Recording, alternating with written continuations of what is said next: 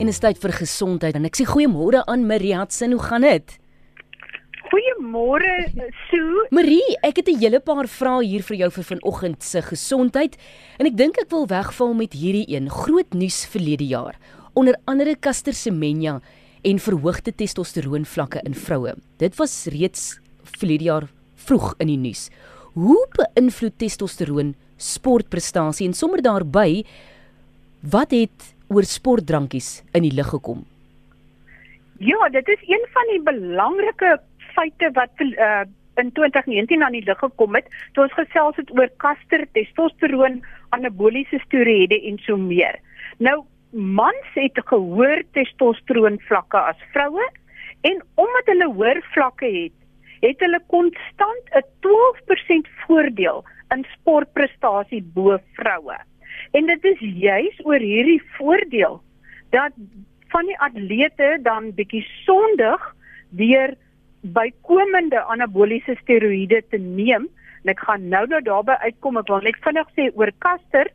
Caster is 'n is 'n genetiese samestelling van 46XY. En as alles reg geloop het, sou sy inwendig en uitwendig 'n seentjie gewees het. Maar juis omdat haar testosteronreseptore nie reg werk nie, het haar liggaam genie gereageer op die testosteron wat daar geproduseer word. Dis soos hy het hoë testosteron vlakke, maar dis nie bruikbaar nie. En dit lyk of haar voordeel bo ander vroue omtrent so tussen 1 en 2% is, terwyl vroue met normale testosteron vlakke uh se voordeel soms so hoog as 4% bo ander vrouens is. So dis 'n baie baie moeilike situasie, maar dis het nie die 12% voordeel wat mans het bo vroue nie. Maar een uit 20000 of selfs een uit 100000 kinders word gebore soos Caster Semenya wat wiese testosteronreseptore nie reageer op hulle testosteron nie. En dit is 'n baie 'n tragiese situasie eintlik maar ook een wat mens nie kan wegwens nie en wat erkenning moet kry. Maar gesien in die lig van ehm um, anaboliese steroïde, die rugbyspeler Apien Bianchi het positief getoets vir drie verbode middels. En al drie werk saam om die vlak van juis van testosteron in die bloed te verhoog want hy wil natuurlik die voordeel hê. Nou baie atlete sê deesdae O nee, hulle gebruik niks wat verkeerd is nie. Hulle gebruik net onskuldige sportdrankies. En dit is baie se verweer. En toe ek met Dr. Gary Gabriel gesels, hy is van wit en hy het navorsing gedoen oor wat is in proteïendrankies. En die volgende interessante inligting het gebleik: meer as 1 uit elke 3 sportdrankies bevat volgens alle aanduidings verbode middels soos anaboliese steroïde of stimulante. Van die middels bevat selfs melamien. Dit is 'n nou wat jy gebruik om kombuiskaste van te maak.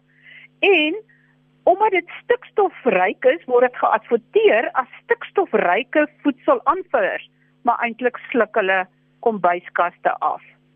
En dan die voedselaanvullerbedryf is totaal ongereguleer in Suid-Afrika wat beteken dat enige iets in enige iets kan wees. En as die aanvuller werk om jou spiere te ontwikkel en dis werk, dan kan jy maar doodseker wees daar's verbode aanvullers in. So, bly maar weg. As hy nie werk nie, is hy veilig en as hy werk, is hy verbode. So, dit is die dilemma waarmee ons sit. Hierdie tyd van die jaar wil almal nou nuwejaarsvoornemens neerskryf, neerpen en dit uitoefen. en hier praat ek nou van dieetplanne. Verskeie dieetplanne sluit inspuitings en tablette in. Ek dink die groot vraag is maar werk dit en is dit ook veilig? Nou ongelukkig moet ek sê, het professor Tess van der Merwe, sy is 'n endokrinoloog by die Universiteit van Pretoria en sy is absolute ekspert op die gebied van metabolisme, het sy 'n paar insiggewende feite aan die lig gebring en dit is Die eerste een is sommer iets maak soos koffiebevattende middels. Nou in die waarheid kan koffie, Red Bull en ander energiedrankies wat koffie bevat, kan vir jou help om 4 tot 6% van jou gewig te laat verloor. Maar die koffie-tablette wat jy aanlyn koop, bevat tot 400 mg koffie en dit kan ernstige nagevolge hê. Byvoorbeeld, dit kan lei tot onreëlmatige hartspoed, dit kan jou risiko vir diabetes verhoog, jou beendigte verlaag en dus tot osteoporose aanhelp en dit kan ook uh uh dit kan ook lei tot verslawing as jy dit saam met kodienmiddels gebruik. Het dit 'n en dit het 'n viervoudige verslawingseffek. En vroue wat swanger is, moet ook wegbly van baie hoë kaffieïnvlakke want dit kan tot miskrame lei. Dan die ander middel wat baie mense gebruik en ek het byna 'n week na hierdie gesprek, het ek inderwaarheid 'n e-pos gekry van 'n uh, luisteraar wat gevra het hoekom kan hulle nie die middel gebruik nie en dit is kunsmatige ketone en hulle noem dit BHB's.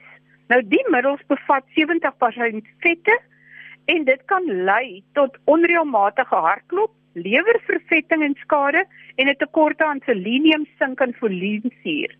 Dit het dieselfde effek net in 'n oortreffende terap as ketondieete wat die banting dieet insluit. Daar's geen biologiese, ag biochemiese of fisiologiese regverdige vir enige ketondieet of die gebruik van hierdie BHB's nie. En dan drink natuurlik baie mense groentee of guarana saad, maar groentee het maar net soveel antioksidante in as doodgewone Ceylon-tee en guarana saad is 'n sterk pergeermiddel wat tot diarree lei. So nee, hoe dan nou? En bly ook maar weg van efedrin en allerlei goeders wat jy op die internet kan bestel want nee, dit werk nie en dit het allerlei neeweffekte. Maar dan is ons by 'n meer ernstige deel en dit is dokters wat inspuitings vir mense gee om gewig te verloor. En daar is onlangs op 'n program op TV waar mense gewig verloor het wat van die middels gebruik is en dan gee die dokters inspuitings. Het jy ooit gevra wat dit is wat hy jou inspuit? En Ons het ongelukkig genoem dat dokters wat bereid is om enige van hierdie onderstaande stowwe waaroor ek nou gaan praat in te spuit vir maarmaakdoeleindes nie op hoogte is van die jongste bewysgebaseerde wetenskaplike inligting nie. En dat daar inderdaad gevra kan word of hy of sy in die beste belang belang van sy pasiënt optree. Die dokters word wat maarmaak inspuitings gee word gekontrakteer deur die vervaardigers van die produk en word vergoed vir die inspuitings. Nou die eerste belangrike een is HCG. Nou dit is die plasenta hormoon wat 'n vrou wat swanger is vervaardig wat nou ingespuit word. En nee, as jy nou jou liggaam in 'n metabooliese ramp wil in dieet, dan moet jy HCG inspuitings kry en 'n uithongeringsdieet saam met dit volg. As die man lus is vir groter borste, laasperringtelling, en 'n groter risiko vir testis en prostaatkanker, 'n groter risiko vir 'n longembolus of beroerte, gebruik HCG in enige vorm, inspuiting of pille. En as die vrou lus is vir hoogte risiko vir 'n longbloedstolsel of beroerte, gebruik HCG. Maar as jy jou liggaam wil laat herstel van hierdie metabooliese ramp, besoek 'n geregistreerde dieetkundige nie 'n voedingkundige, 'n dokter, 'n nutritional coach of iemand anders nie om die regte eetplan en die regte oefeninge vir jou te laat uitwerk. Vergeet ook van inspuitings wat kwansys vet oplos. Dis verbode in die FSA in Europa en Skandinawië. Dit is lipostabiel, lipodissolve of enige van daai wat beskryf word as mesoterapie, lipolitiese inspuitings of lipotropiese inspuitings. Los dit, dit werk nie, dit kan skade veroorsaak. En ook die vitamienkonkoksies wat jy kan maar as 'n binneaardse voeding kry. Dis 'n geldmaak foefie. En bly ook weg van groeihormoon inspuitings in enige vorm van aard. Dis oneties om dit te gebruik. Maria, ons gou die bordjies verhang hier. Hoor mense ook baie keer van jong en gesonde mense wat ineenstort tydens 'n eysterman wedloop. Is dit net 'n hartaanval en wat het tipe 2 diabetes met jou hart te doen? Ja, baie mense het voorheen gedink dit is 'n hartaanval. Jy hardloop, jy's kam af, jy stop fiks en dan woep slaan jy neer en jy's in baie gevalle is die persoon onmiddellik dood. Dit is 'n hartstilstand of 'n hartares omdat die hartritme, die hartklop heeltemal te vinnig en hy verloor sy ritme en jy jou hart gaan staan stil en hy begin te vibreer en hy gaan staan stil. En hoe gebeur dit? Dit is mense wat strawwe oefening doen, soos Eysterman kompetisies, Cape Epic fietstoere. Hulle oefen en hulle oefen en die hartspier omdat hy harder moet werk en meer bloed moet pomp na die spiere toe wat nou al hoe fikser word en harder wil werk en meer gedruk word, rek die hart 'n klein bietjie. En nie rek soos 'n hartversaking nie, maar net om bietjie meer bloedvolume te kan akkommodeer om meer bloed uit te pomp. En dan met daai klein rekking beskadig die hart se geleidingsweefsel, die elektriese drading, bedrading in jou hart. En as dit rek of beskadig word, dan kan dit tot skielike onreëlmatige hartklop lei enige tyd.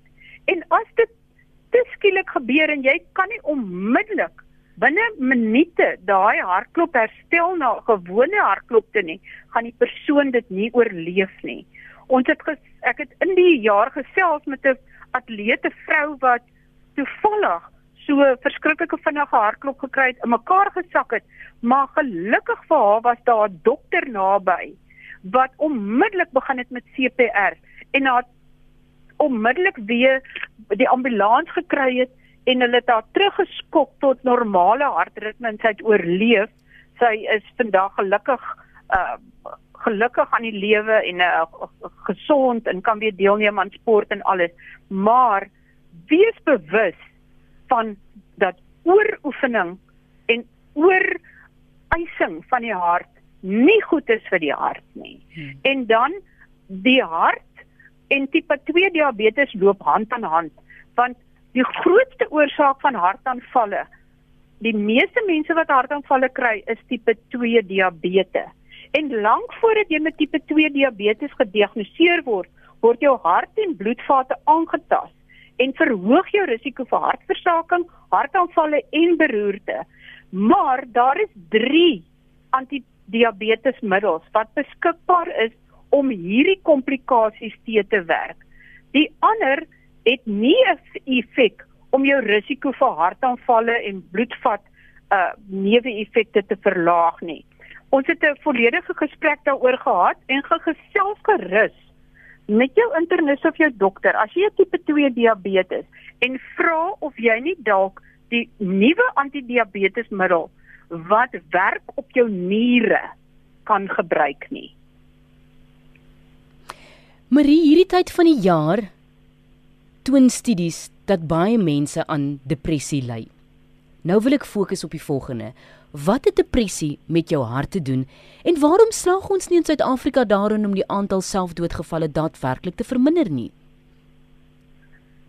Ek begin sommer wegtrek met enkele syfers oor selfdood en dit is elke dag sterf 18 mense in Suid-Afrika aan hulle eie hand. En dit is 4 keer meer as die wêreld gemiddeld. So daar moet meer gedoen word en daar kan meer gedoen word om selfdood in Suid-Afrika te verminder. En die grootste oorsaak is natuurlik depressie. Uh, Dink jy daar's eintlik mense wat wat hulle hand aan hulle eie lewe slaan wat nie depressief is nie. Nou in die eerste fase, die akute fase wanneer mense wil uh hulle lewe wil neem van 'n brug af wil spring of hulle self wil skiet of 'n oordosis pille drink, daar is 'n hulplyn. So noodlyne soos Lifeline en SADC se dienste. Eh, die Suid-Afrikaanse Depressie en Angsgroep se dienste wat mense kan help om deur hierdie eerste fase te kom. Dat die dat die akute gevoel van om jouself, jou eie lewe te neem kan weggaan. Maar Die tweede fase, naamlik dat hierdie mense opgevolg word. Jy het dit nou afgeweer dat die een nie sy lewe neem, hy spring nie van die brug af nie, maar die depressie is nie weg nie. Maar dan val die pap op die grond, want daar's nie genoeg en uh, programme om seker te maak dat hierdie persoon dan wel behandeling kry vir sy depressie nie, want die oorsaak is nog steeds die depressie en dit moet aangespreek word. En in die op miskien is daar nog hulp in die privaat daar is geen hulp in die openbare sektor nie. En dan die derde fase van bestuur om die selfdoodrisiko te verminder, het te doen met waaksaamheid. En baie baie kere word die verband tussen depressie en kroniese siektes, depressie en artritis, depressie en hartsiektes, depressie en verskeie ander kroniese siektes word geïgnoreer of misgekyk. Dit nie, gaan hand aan hand en hulle weet nie altyd wat is eerste of dit die hartsiekte is wat depressie gee of depressie wat hartsiekte gee nie, maar daar's 'n groot verband en al twee moet behandel word. Hmm. En net vir die wis en die onwis, gee ek in hierdie tyd Lifeline se nommer, dis 0861 322 322 of Sadag se nommer 0800 567 567. Ek weet jy gesels ook baie oor kanker. So wat is die feite oor kanker wat ons moet onthou en wat het jy juis in 2019 teëgekom wat nuut is? Ja, eerste feit is, ek het met dokter Char Charlene Miller gepraat. Sy's onkoloog by van Cancer Care in Oos-London wat baie duidelik 'n paar feite uitgestel het. En dit is alle kankers is nie dieselfde nie. As mense middels teen een kanker kry, gaan dit nie noodwendig werk vir ander kankersoorte nie en selfs binne een soort kanker is daar verskeie subtipes van kankers en dit hang af van die die soort kanker, die subtipe, die stadium, die gradering van hoe die behandeling gekies word. En daar's al baie meer behandeling as net bloot chemoterapie. Daar's al meer getekende behandeling vir baie verskillende soorte kankers. Kanker is aan die toeneem in die wêreld en dit gaan nog verder toeneem. In Engeland word reeds 1 uit elke 2 siektes wat gediagnoseer word, gediagnoseer as kanker. Die redes vir die toename is die ouder ouder ouer wordende bevolking, meer stres, minder kinders per vrou, rook van sigarette en 21% van alle kankersterftes is die gevolg van sigaretrook.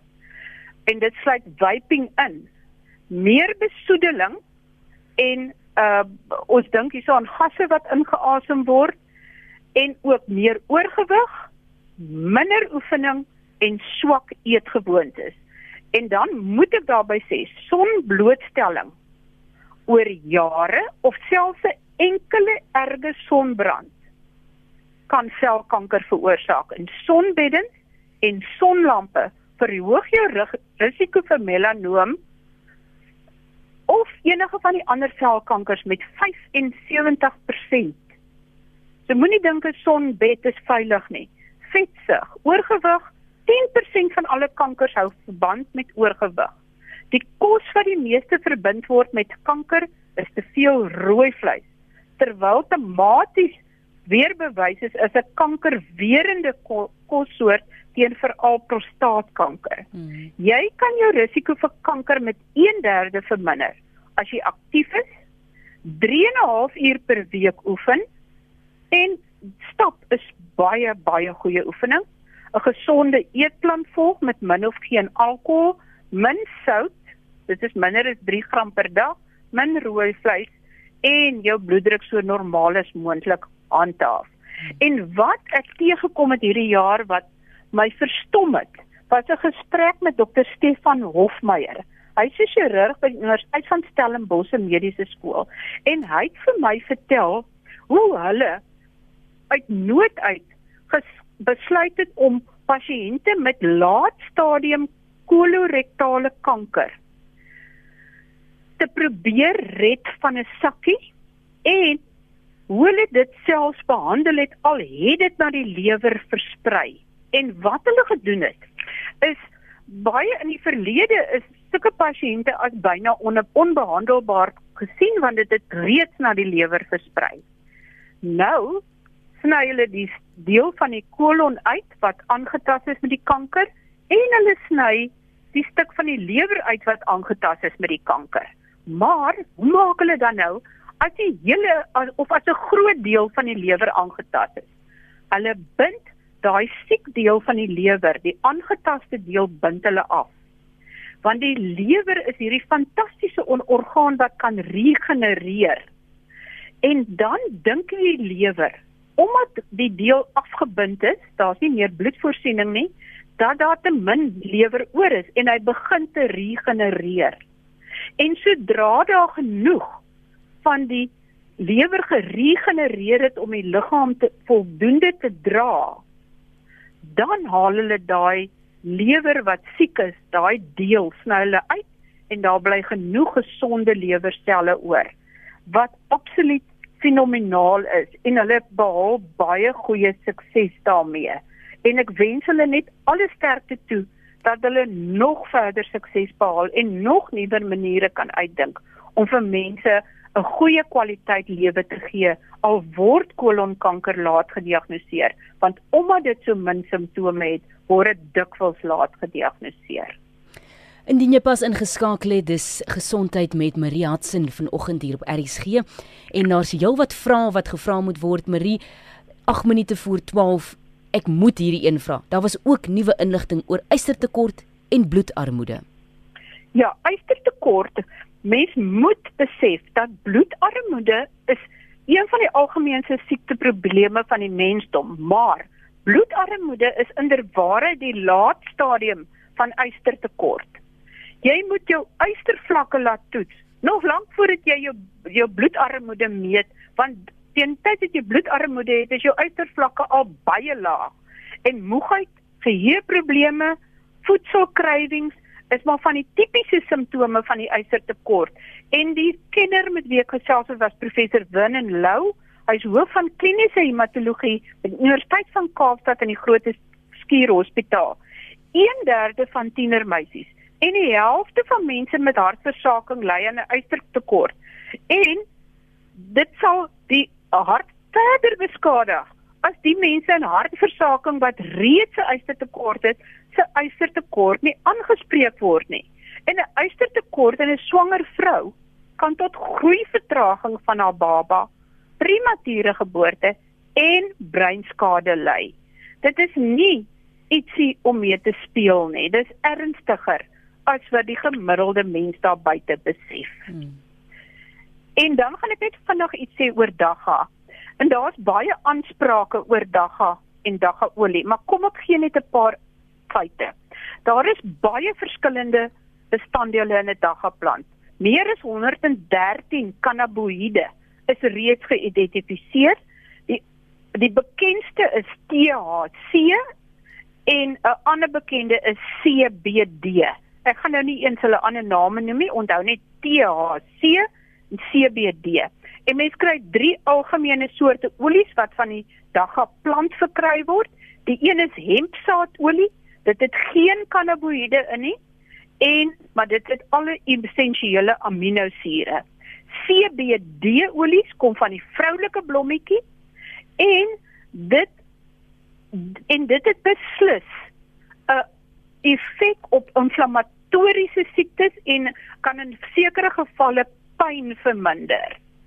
Dit sit jou nie op 'n trip en tas jou nie jou brein aan nie soos die getradisionele dagga of cannabisolie wat ons praat nie. Dit dis hierdie klassieke boereraad en die zolle wat jy rook. Dit bevat THC en dit het 'n effek op die brein en vir al die jong brein. Jong mense wat dagga rook met THC in wat hulle op 'n high wil sit en eintlik op 'n uh, don't care houding gee het beslis 'n uitwerking en 'n beskadiging van die tiener en die jong brein. Dit kan dit permanent beskadig en permanent tot 'n uh, tipe psigose lei wat moontlik nooit daar sou gewees het as jy een nie begin dag gerook het of THC gebruik het nie. Hmm. So, maak seker dat jy as jy CBD olie koop, dat jy nie by 'n oom en 'n tannie om die draai koop nie, dat dit uh uh hulle noem dit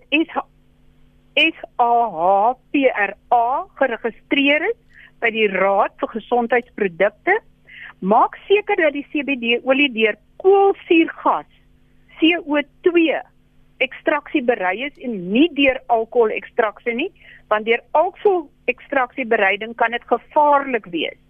En ehm um, Ja, en dit is onthou net daai belangrike aspekte van CBD olie. Vir my maar die THC. Ek gaan gou vinnig luisteraars kans gee om pen en papier te kry vir jou kontakbesonderhede ehm um, net na hierdie enetjie want waarmee wil jy volgende week voortgaan? Ek wil volgende week afskop die nuwe jaar met 'n met 'n baanbreker chirurgse werk.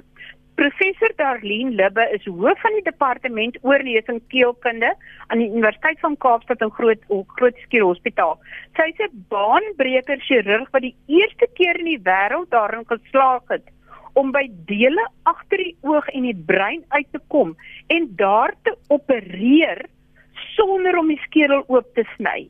Ek het 3 van haar operasies bygewoon en sy kan deur die neus en hier aan die kant van die oog gaan sy in deur die oogkas tot by die brein en dit is nooit voorheen gedoen nie. Sy het moes haar eie instrumente ontwerp om hierdie operasies te doen en nou leer sy chirurge reg oor die wêreld om hierdie prosedure te kan doen sien vreeslik uit na daardie gesprek volgende week Marie. Net gou jou kontakbesonderhede asseblief.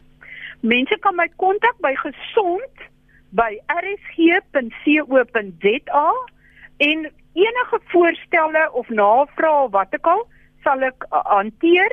Uh, as hulle voorstelle het vir verdere programme en stories wat ek kan doen, dan sal ek aandag daaraan gee.